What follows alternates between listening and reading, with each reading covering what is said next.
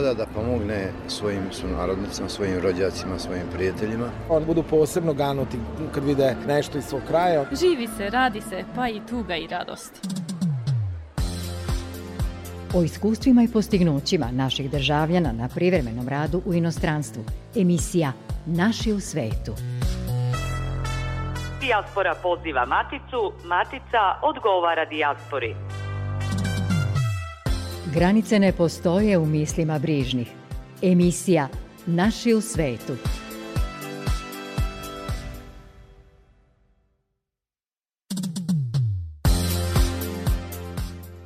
Dobroveče poštovani slušalci. U ovoj emisiji o susretu predstavnika dijaspore u organizaciji kanadskog časopisa San, o novoj platformi za pomoć našim studentima širom sveta, predstavljamo Srpsku biblioteku u Londonu i našeg umetnika koji stvara u Severnoj Makedoniji. Za tonskim pultom je Novak Vasiljević, ja sam Goran Pavlović. Povodom predstojećih izbora u Srbiji raspisanim za 3. april tekuće godine obaveštavaju se birači koji imaju boravište u inostranstvu da preko diplomatsko-konzularnog predstavništva Republike Srbije najkasnije pet dana pre dana zaključenja jedinstvenog biračkog spiska do 12. marta mogu podneti zahtev da se u jedinstveni birački spisak upiše podatak da će na predstojećim izborima glasati u inostranstvu. U organizaciji kanadskog časopisa Srpske dijaspore SAN održava se trodnevni virtuelni susret dijaspore iz celog sveta. To je prilika da se okupe mnoge naše organizacije i uspešni pojedinci i razmene iskustva o svom istrajavanju i postignutim rezultatima u rasejanju. O tome ko su predavači i šta sve predviđa program u naredna dva dana govori urednica magazina SAN Vesna Nedić. Cela ova ideja je da a, nam pomogne svima u nekom povezivanju i saradnji i e, pre svega da saznamo jedni za druge, da krenemo od toga. Ja se nadam da ćemo mi motivisati i druge organizacije da nastave sa ovakvim događajima koji će nas okupljati. Panel diskusija je osmišljena da bude na jednu dosta ovako široku temu dijaspora, povezivanje, saradnja i srpska kultura. I Gosti su nam veoma eminentni predstavnici srpske dijaspore sa tri kontinenta iz e, Kanade, Sjedinjenih američkih država, Australije Nema i Nemačke. E, iz e, Kanade je tu gospodin dr. Miloš Popović, profesor univerziteta u Torontu, zatim e, Tihomir Bajić, startup investitor, iz Australije dr. Nina Marković-Kaze, koja je doktor političkih nauka i analitičar za srpska nacionalna pitanja. Zatim iz e, Nemačke Rade Radovanović, glavni i odgovorni urednik televizije Srpske dijaspore. I iz Jedinih američkih država Andreja Pavlović, stručnjak za financije i uh, e, VP u Serbian Philanthropic Association. Voditelj će biti Mladen Obradović, reditelj i glumac i umetnički direktor Puls teatra i saradnik časopisa San iz Toronto. U nedelju smo uh, zamislili takođe taj uživo program i imali smo veoma veliki odziv uh, od strane uglavnom organizacije iz dijaspore, ali i iz Matice, Tako da očekujemo da će tu biti otprilike jedno deset predstavnika koji će iz, izložiti ukratko o svojoj organizaciji uz neki e, video materijal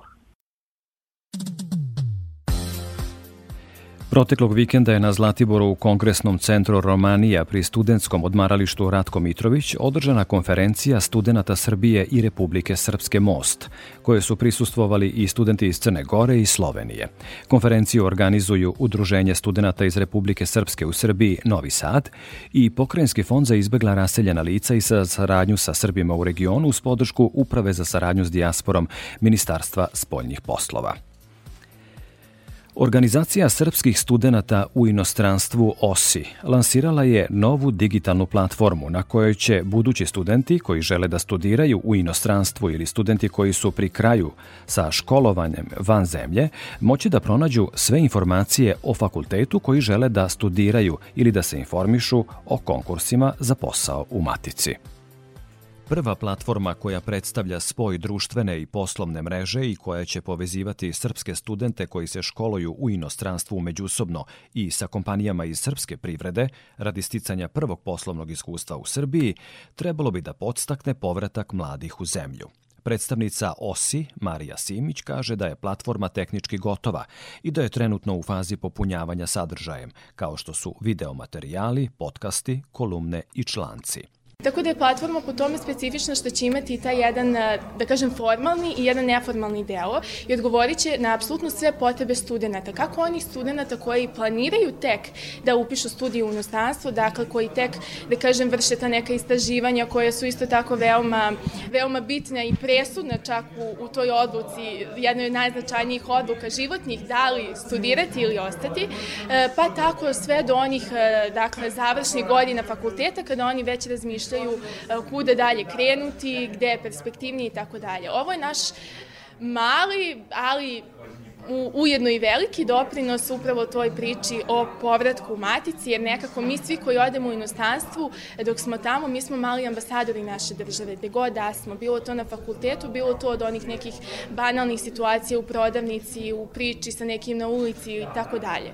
Tako da, prosto ta priča o povratku uh, srpskih talenata u Matici je nekako jedna od priča koja je najaktuelnija i najvažnija za prosperitet naše države i za razvoj našeg društva. Tako da sama platforma će upravo kroz sve te njene funkcije omogućiti da mladi budu aktivni činioci našeg društva, odnosno da aktivno utiču na sve velike društvene promene koje su potrebne ovaj, da se dogode i koje se, da kažem, već negde i događaju u našoj državi, u našem društvu. Simićeva je navela da ideja za platformu postoji dugo, s obzirom na to da OSI ima 23 ogranka u svetu i na četiri kontinenta, te da je jedinstvena platforma bila neophodna.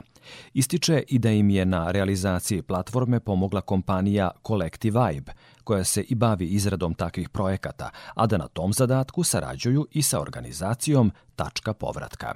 Ideja postoji dugo, ali uh, u realizaciju te ideje smo aktivno započeli prošle godine. Otprilike u neko ovo vrijeme prošle godine je pokrenuta fundraising kampanja na sajtu Donacije RS, gde smo mi u jednom periodu od dva, tri meseca aktivno prikupljali donacije od kompanije, od fizičkih lica i tako dalje i gde smo došli do određene sume koja ipak nije bila dovoljna za nastajanje nečega ovako velikog i nešto, nečega ovako bitnog. E, tako da smo onda imali, da kažem, jedan upliv e, sudbine ili sreću, kako god e, to možemo da nazovemo, e, da smo stupili u kontakt sa kompanijom Collective Vibe, koja inače stvara ovakve e, platforme i koja se e, sad u poslednje dve godine od nastanka čitave ove svetske situacije vezane za koronavirus i tako dalje, aktivno bavila ovim i unapređivala upravo ove funkcije virtualnog, virtualne stvari stvarnosti i kreiranje te virtualne stvarnosti da deluje uh, i da obuhvata sve one funkcije koje su nama kao ljudskim bićima, koje, smo, ipak prevaskodno društvena bića, potrebni. Tako da, eto, kampanja je završena negde u maju prošle godine, a uh, da kažem samo kreiranje platforme je započeto u oktobru uh, isto prošle godine i završeno eto, pre neki dan. Dakle, kao što sam već rekla, ti neki, te neke funkcije platforme su dovršene. Na nama je sada da e, platformu ispunimo sadržajem pre definitivnog lansiranja i onda platforma kreće svoj život. Direktor tačke povratka Ivan Brkljač kaže da je uloga te organizacije u toj digitalnoj platformi da pomognu našim studentima koji su se školovali u inostranstvu da se lakše vrate u maticu, te da im oni pomažu prilikom zapošljavanja, administrativnih procesa i priznavanja diploma. Na pitanje da li imaju podatak koliko se studenta tokom poslednje dve godine trajanja pandemije vratilo u Srbiju, Brkljač kaže da precizan podatak nemaju, ali da je samo tačka povratka direktno učestvovala u povratku oko 400 studenta iz inostranstva. Prevashodno su to bili ljudi iz Sjedinih američkih država, iz Severne Amerike generalno, jer su ljudi u Evropi kudi kamo brže mogli da odreaguju. Ono što znamo sada jeste da se uprilike u pola smanjio broj ljudi koji odlaze u inostranstvo da studiraju sada zbog različitih, to je bilo u prvoj godini, 2021. tačno, tako vidjet ćemo šta će u 2022. godini da bude kao podatak. A ono što nam isto bilo vrlo zanimljivo je, pošto ne postoje zvanični podaci e, Zavod za statistiku koliko ljudi naših odlazi, e, koliko se vraća, jednostavno ljudi se ne odjavljuju prilikom promene svoje lokacije, prebivališta. Ono što nam je interesantno da vidimo jeste u, u razgovoru sa Ino edukacijom, jednom organizacijom koja pomaže našim ljudima da odu na, na inostrane studije, jeste da se polovina ljudi koje se vrati koja ode na studiju u inostranstvu se i vrati. Tako da, i to najviše se vraćaju ljudi koji su završili master studije, to je samo master studije, a ređe ljudi koji odu na doktorske studije i na osnovne studije.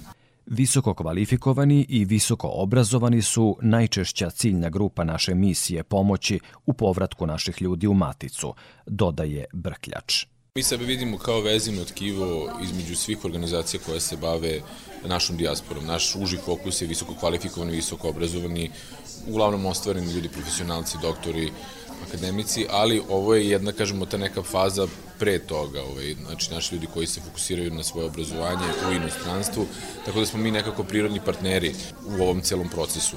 I ono što mi vidimo od sebe jeste da ljudi kada odu na studiju u inostranstvu, kako razmišljaju o povratku u Srbiju kao sada već navršeni studenti, tako da smo mi nekako kada govorimo o tom koraku nakon studiranja, mi smo taj prirodni sledeći korak da budemo partneri i, i kontakt servis studentima koji se vraćaju u Srbiju podrška onima koji planiraju, povratak u zemlju, poslovni poduhvat ili naučnu i stručnu karijeru, pruženje informacija o svim načinima stupanja u kontakt sa Srbijom, pomaganje u ostvarivanju saradnje sa lokalnim talentima i zvanrednim inicijativama, samo su neki od zadataka organizacije o kojima se dodatno možete informisati na platformi tackapovratka.rs. sa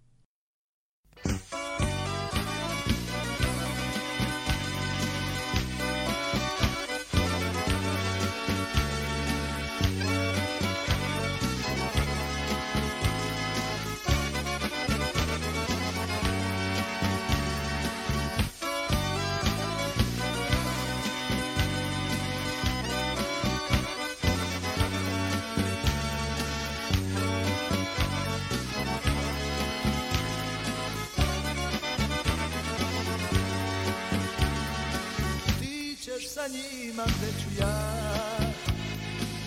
Ko da mi kaže, ko da zna Ja nikog nemam da mi da.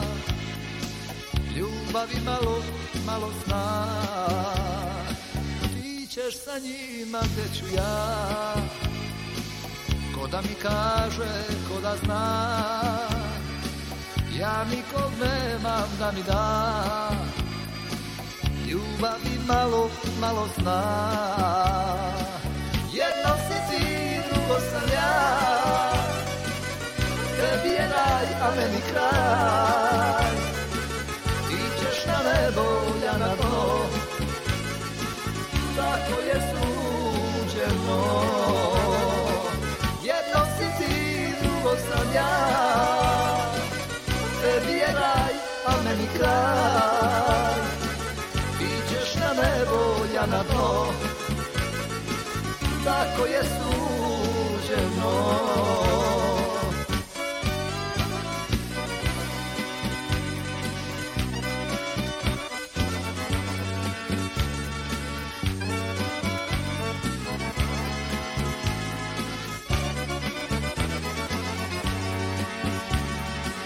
Moja je tuga, tvoj je greh mi sve. I ništa nije kao pre. Ja niti živim, niti mrem. Jedno si ti, drugo sam ja. Tebi je raj, a meni kraj. Ti ćeš na nebo, ja na to Tako je suženo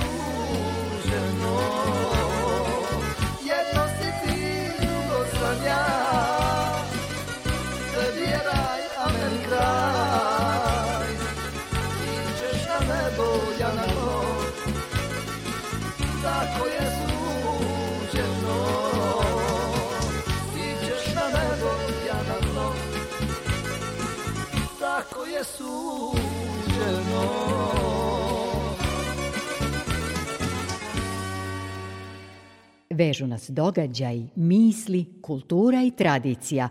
Emisija Naši u svetu. Ministarstvo prosvete Srbije u skladu sa strategijom očuvanja i jačanja odnosa matične države i dijaspore, kao i matične države i Srba u regionu, izradilo je projekat Srbija za Srbe iz regiona, kojim je predviđena dodela stipendija za mlade pripadnike naše zajednice iz država u regionu. Dodatne informacije i neophodne formulare potražite na sajtu Uprave za saradnju sa dijasporom diaspora.gov.rs. Proteklog vikenda u Londonu održan je mini sajam knjiga u organizaciji Srpske biblioteke u tom engleskom gradu, a u okviru Srpskog meseca kulture. Gordana Gligorić, urednica emisije Večeras zajedno Radio Beograda 1, sa kojom razmenjujemo zapise iz dijaspore, razgovarala je sa Vesnom Petković, direktorkom Srpske biblioteke u Londonu. Sa nama je Vesna Petković, osnivač i direktorka Srpske biblioteke u Londonu, koja ako niste znali postoji od 2010. godine. Vesna, dobroveče. Dobroveče i uh, moram da vas ispravim. Ajde. Biblioteka je zapravo počela i osnovana 2004. ali je registrovana kao Srpska biblioteka u Londonu zvanično u našim engleskim, po našim engleskim zakonima 13. januara 2010. Šta još ne znamo da o Srpskoj biblioteci u Londonu, a trebalo bi da znamo? Recimo koliki je fond knjiga kojima raspolažete i kako se knjige naručuju? Knjige smo počeli da skupljamo još odavno i to je bilo više po našim privatnim kućama i nekad e, u srpskom društvu koje je postojalo u, na Fulamu i tako smo i došli do ideje da te knjige bi trebalo u stvari sta, me, napraviti e, dostupne svima koji mogu da, e, da čitaju srpski jezik. A, počelo je e, te 2004. kada smo e, napravili malu biblioteku u tom srpskom društvu i kada je počelo prvi, neki prvi, neke prve donacije knjiga su počele da stižu od ljudi koji su uh, mislili da njima više te knjige ne trebaju, nego eto treba da, da ih negde zadržimo. E, tako je to uh, bilo te davne 2004. Međutim, kako se vreme kako je vreme išlo, mi smo puno knjiga skupili i počeli da dobijamo donacije od Narodne biblioteke iz Beograda, da dobijamo iz, od e, izdavača, srpskih izdavača, od pisaca. I onda smo e, 13. januara 2010. registrovali biblioteku. E, ko je zapravo prvi počeo biblioteku smo bili Sava Pejić i ja, koji je nažalost preminuo pre dve godine I onda nam se kasnije pridružila Olga uh, Gaković koja je takođe preminula pre 3-4 godine. Tako da eto, nažalost, ostala sam samo ja sama sa novim, novom grupom ljudi o, od, uh, koji su vrlo uh, značajni za našu biblioteku i koji zaista mnogo pomažu. To je uh, Penija, uh, onda Marija, e, e, Ivan Mijatović i e, ja koja pomažemo i Slavica e, Eliot koja je nama značajna za našu elektronsku komunikaciju. Koliki da. je fond knjiga kojima raspolažete? Ja mislim da je sada, ne znam tačno da vam kažem, zato što mi imamo negde oko 3000 knjiga koje nisu sve u biblioteci na Fulamu, a biblioteka na Fulamu ja mislim da ima negde oko uh, skoro hiljadu knjiga, ako, ako nije već i prošlo hiljadu. Da, uh, mi smo imali dosta problema oko uh, zbog covid i zatvaranja biblioteke, jer uh, ne samo naša biblioteka, nego skoro sve biblioteke su bile zatvorene za uh, ljude da dođu da uzmu knjige. Radile su samo pre, elek, elektronski, da možete da naručite knjigu, i onda da dođete i onda da, da pokupite iz biblioteke ili da vratite šta ste pročitali, ali to se sve odvijalo malo ne da ne vidite nikoga. Kada već Tako da- govorimo da... o broju knjiga kojima raspolažete, znate li barem približno broj ljudi, naših ljudi koji trenutno žive u Londonu? Do pre neku godinu baratali smo cifrom od 50.000, ja verujem da je sada ta cifra mnogo veća. Pa i ja verujem da je veća, ali pravo da vam kažem ne bih mogla da vam kažem, zato što e, naši ljudi, mlađi ljudi su dolazili, e, pogotovo, ovaj COVID je dosta poremetio stvari i e, te informacije uopšte više nisu racionalne kao što su nekada bile da, da možemo da ih prikupimo iz nekih izvora. Ovo je sada samo nagađanje.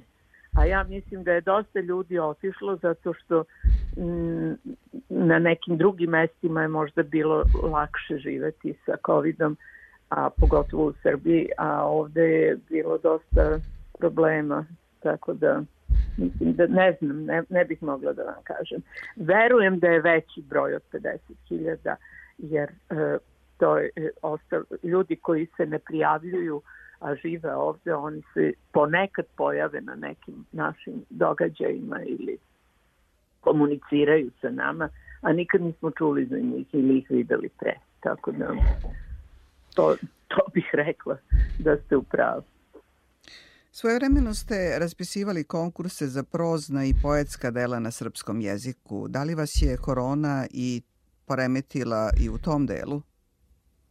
Pa jeste, zato što naš poslednji mini sajam knjiga, mi smo počeli sa mini sajamom knjiga zapravo već od e, 2010. godine i e, počeli smo sa vrlo malim e, e, kako bih rekla, e, događanjima, razgovor sa jednim piscem i to da predstavi neku knjigu, ali onda nam je došlo E, vrlo, odmah nam je palo na pamet da bi nam bilo bolje da organizujemo takmičenje, odnosno uh, da uh, u okviru uh, Srpske biblioteke i mini sajma knjiga imamo i konkurs za poeziju i prozu. I to da to budu svi pisci, srpski, srpski pisci koji pišu na srpskom jeziku, koji ne žive u Srbiji. Jer u Srbiji ima dovoljno takvih stvari. Ima dovoljno takmičenja, dovoljno mogućnosti da se e, e, mladi ljudi bilo ko ko želi da piše e, negde i promoviše i da nađe nekog izdavača, a mi ovde nemamo takve prilike. Tako da e, to je postalo prvo, prvo naše takmičenje, to je bilo samo za London, za Englezu u stvari, e, naše Srbe u Engleskoj. Ali e, Sledeće godine smo to otvorili za ceo svet, samo ne za Srbiju. I od tada je taj mini sajam knjiga bio i prilika da se uh, taj konkurs objavi, pobednici konkursa i uh, Srpska biblioteka je štampala knjige pobednika u proze i poezije i to je bilo vrlo popularno i ljudi su jako uh, želeli da učestvuju u tome. Naravno nisu svi bili uh, dovoljno uh, kako da kažem talentovani da, da mogu da uh, dobiju prve nagrade, ali uh, imali smo vrlo talentovane pisce koji su se javljali iz Evrope, iz Amerike, čak iz Australije i Afrike. Vesna, hvala vam na uključenju. Vesna Petković, osnivač i direktorka Srpske biblioteke u Londonu, bila je sa nama večeras. Hvala lepo i hvala vam na ovoj mogućnosti da govorimo na, za našu srpsku publiku. Emisija Naši u svetu. O tome kako žive predstavnici naše zajednice u Severnoj Makedoniji često govore tonski zapisi srpske redakcije Makedonskog radija, tamošnjeg medijskog nacionalnog servisa. Naši umetnici koji žive i rade u zemljama regiona često sarađuju sa umetnicima u Matici. Međusobno se nadopunjuju i pomažu jedni drugima u nastupima širom sveta. U nastavku emisije predstavljamo Marka Videnovića, koji se nakon školovanja u Srbiji zaputio u Severnu Makedoniju, gde je svoj muzički i spisateljski talenat stavio na raspolaganje tamošnjim reprezentativnim kulturnim institucijama. O tome u narednom prilogu koleginica Jelena Malenkova.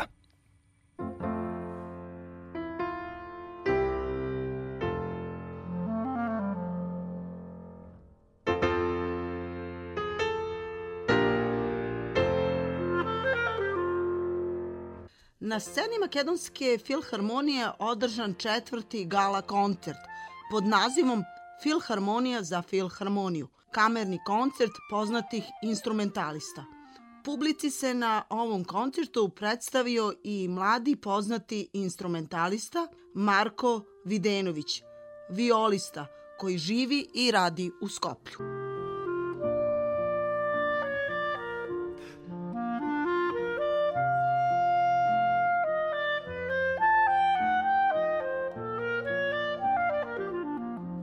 Marko Videnović rođen je 1980. godine u Kruševcu. Osnovnu i srednju muzičku školu završio je u Bitolju. Fakultet muzičkih umetnosti, ocek violu u Skoplju. Član je mnogih kamernih sastava i ansambla u Makedoniji i inostranstvu. Svirao je u orkestrima Stanislav Benički i orkestar Sveti Đorđe u Beogradu. Napisao je muziku za dva poznata makedonska filma, film Treće poluvreme i Balkan nije mrtav. Pa ja sam Marko Videnović, rođen u Kruševcu, ali još od moje šeste godine živim u Makedoniji, u Bitolju. Srednju muzičku školu sam i nižu muzičku školu sam završio u Bitolju, a fakultet za muzičku umetnost u Skoplju. A u Filharmoniji sam negde od 2000. godine, 2001 s tim što kao redovni član sam od 2006. 2007. sam već postao vođa grupe Viole do dan danas. Tako da veliko iskustvo i jedna od mojih velikih želja da, da budem član ovog orkestra. Членувал сам у више камерним составима, оркестрима. Главни циљ е Македонска филхармонија. Члан сам Music Progressive Quartet, Brevis Quartet, сад ово најновије трио концерт, а заедно со Ана Контраденком и Паскал Краповски. Заиста е прошло супер и реакција публике и наши колега, така да за нас важно и за само институција е важно да da se neguje ta kamerna muzika zato što kamerna muzika je osnova svega toga što radimo u, u orkestru. Bavim se muzikom, pišem poeziju vezano sa umetnošću, da. Ranije sam članovao u Bitoljskom kamernom orkestru. Hteli da napravimo nešto više za kamerno muziciranje i napravili smo naše sastave, Brevis Kvartet koji je počeo da radi od 2006. godine исто составен од музичара из Македонска филхармонија. Неколико година касније смо почели да да свираме од други квартет, Music Progressive квартет, за кој квартет сам писал ја музику. Така да моментално сам член на Профундис камерног оркестра кој задњих пар година функционише i baš mi je drago zato što najčešće kod nas je entuzijazam nas vodi da to radimo uklopim u bilo kom sastavu i želim da eksperimentišem. Uh, Music Progressive Quartet je bio sastavljen od uh, oboje, violina, viola i violončela. I to je bio jedan interesantan sklop i dosta uspeha smo ostvarili i van uh, Makedonije i u Makedoniji. Tako da i muzika je bila koju, smo svirali, muziku koju sam pravio, najčešće se bazirala na narodnim temama, znači izvornim temama makedonske muzike. I to je bilo dosta prihvaćeno van. Imali smo koncerti i u Srbiji, i u Americi, i u Austriji, zato što stvarno smo dosta radili. Balkan nije mrtav i treće polovreme. A ja sam radio orkestracije i to je bilo prvi put za mene do, prvo iskustvo na tom polju, tako da veliko iskustvo za mene je bilo isto i to da radim muziku za cijeli orkestar, Omeljeni kompozitor koga mogu da slušam u svako vreme je Beethoven.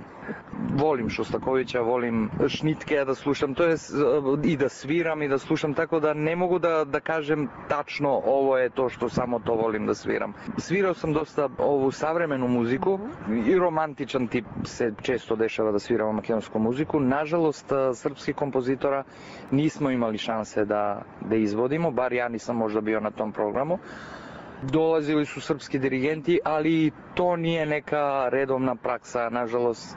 Koje klasi ste završili? Naravno, treba spomenuti naravno i profesore sa kojima da. ste radili. Počeo sam u klasi Ljubomira Gospodinova, nažalost on je 2001. godine preminuo, pa posle sam menjao dosta profesora, Ognjan Stančev, seminar Ivan, sečivao časove kod Petra Ivanovića u Beogradu, on je bio, vodio Sveti Đorđe orkestar on mi je dosta pomogao i plan je bio da, da se preselim u Beogradu, da tamo produžim. Živeo sam u Beogradu, Svirao sam kvintet u Beogradskoj operi sa gospođom Edith Makedonski, ona je bila i još mislim da je koncert majstor tamo. I bio sam član simfonijskog orkestra sa Stanislav Binički. I još sam bio mlad tada i još nisam znao kako će šta da bude i na kraju ukazala se prilika da se vratim i da ima zapošljenje ovde u, u Makedoniji i mislim da nisam pogrešio, tako da, da što sam se vratio.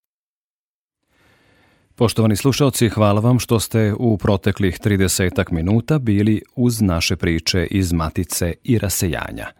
Budite sa nama i narednog petka od 19.05. Hvala na pažnji.